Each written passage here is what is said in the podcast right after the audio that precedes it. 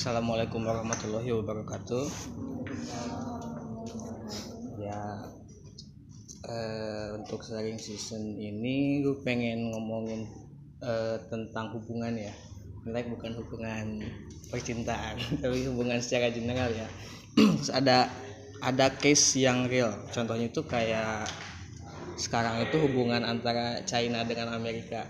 Ya, sekarang itu emang hubungan mereka itu emang benar-benar sangat jelek terus contoh konkretnya itu eh, dengan kasus yang lagi ramai itu di pertengahan bulan Mei kemarin itu tentang eh, terbannednya Huawei di Amerika kan. Nah tentang itu ya. Jadi ngomongin tentang itu ya. Kita analogikan aja.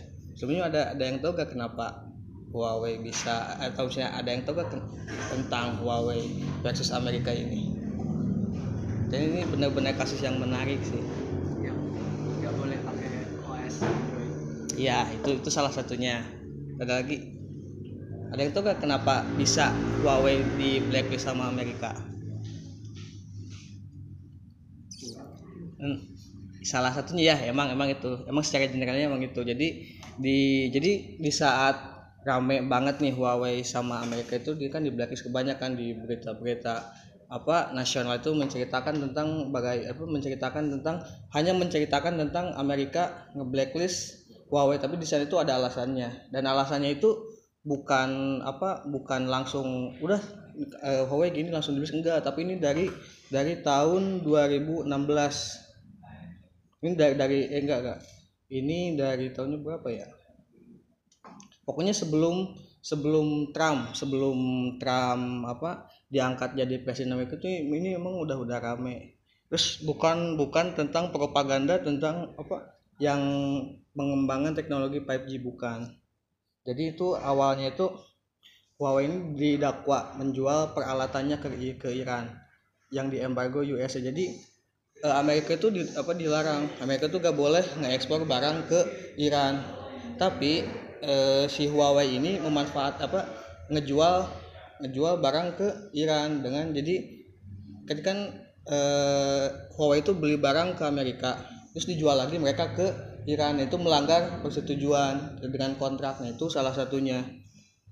Dalam perjanjian dagang dan lisensi dengan Huawei ada larangan menjual ke negara-negara yang diambargo oleh OFAC Iran salah satunya. Tapi Huawei main kucing-kucingan tetap ekspor ke Iran melalui anak perusahaannya. USA menggugat tapi Huawei cuek dan menganggap USA gak, gak bisa apa-apa. Makanya begitu ada kesempatan ada kesempatan jadi CEO Huawei itu ditangkap di Kanada dan langsung disuruh ditangkap oleh FBI. Nah, eh, yang kedua ini ada sebelum Trump menjadi presiden intelijen USA sudah mendeteksi adanya backdoor di equipment buatan Huawei yang bisa dimanfaatkan untuk spyware. Jadi di jadi di Huawei itu eh, jadi salah satu engineer di Amerika itu ngeevaluasi tentang Huawei. Jadi di Huawei itu ada semacam spyware yang bisa uh, memanfaatkan data-data secara pribadi personal. Jadi menyalahgunakan apa secara pribadi untuk uh, digunakan oleh pemerintah China. Dan ini sebenarnya sih di, uh, apa masih masih rumor.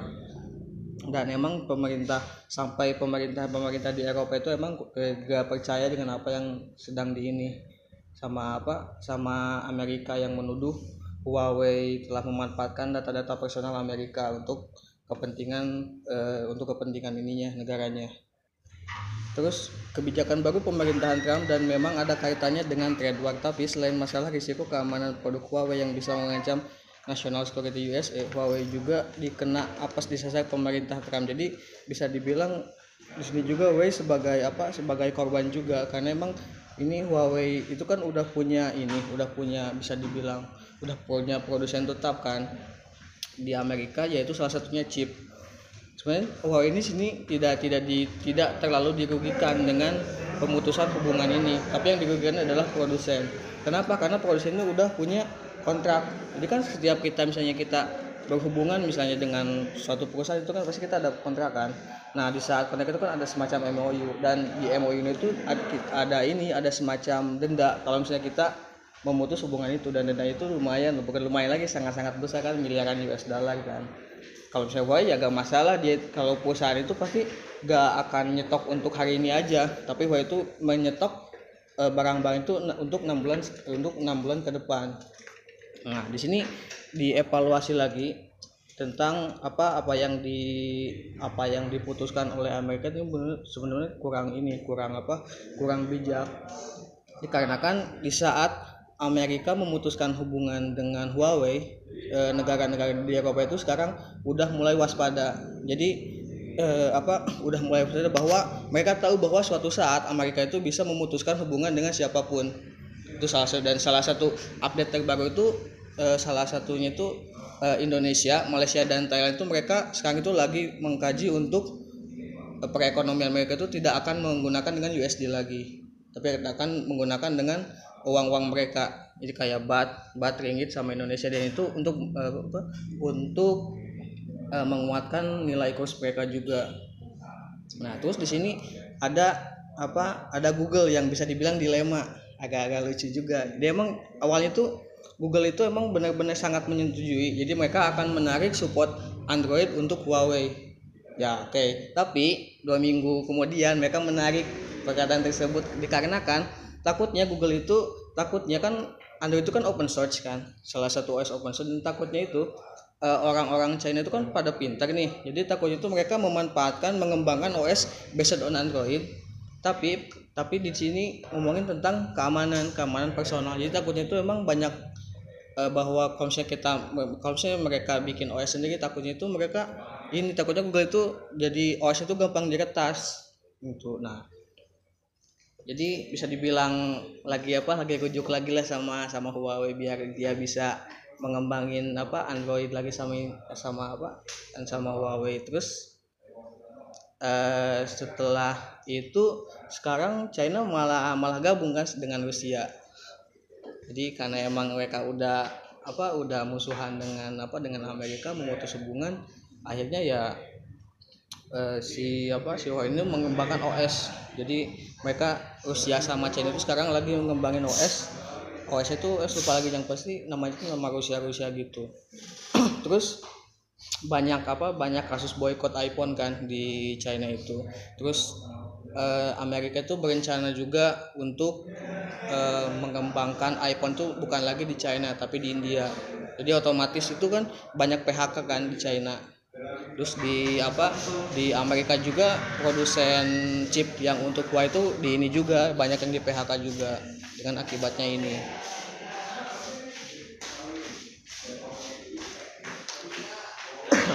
Kita kita analogikan aja sih dengan apa dengan kehidupan sehari-hari kan. Bahwa kita ini sebagai manusia itu kita harus tetap menjaga hubungan baik antara eh, antara misalnya kita dengan teman dengan dengan apa dengan orang tua dengan teman kantor atau dengan siapa pun.